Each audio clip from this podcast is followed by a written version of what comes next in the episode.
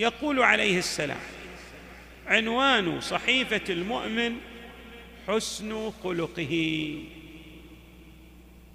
لو سألنا الشخص كل إنسان تشوفون يحطون لافتات الناس يضعون لافتة على المطاعم على المحلات التجارية تبرز هذه اللافتة العنوان الموجود في ذلك المحل.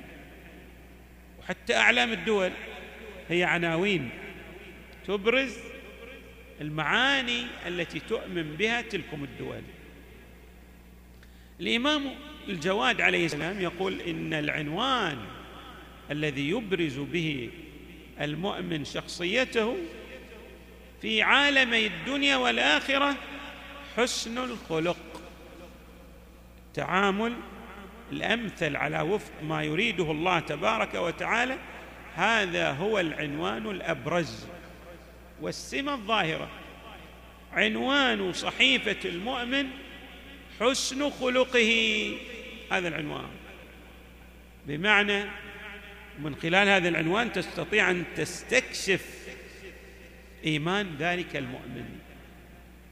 طبعا أشير ها هنا قد يكون شخص غير مؤمن ولكنه أيضا يتصف بالأخلاق. يعني ليس هناك تلازم بين الأخلاق والإيمان. غير أن الإمام عليه السلام يريد أن يبين أن من أهم ما ينبغي الالتفات إليه من قبل المؤمن أن يدلل على إيمانه بحسن أخلاقه.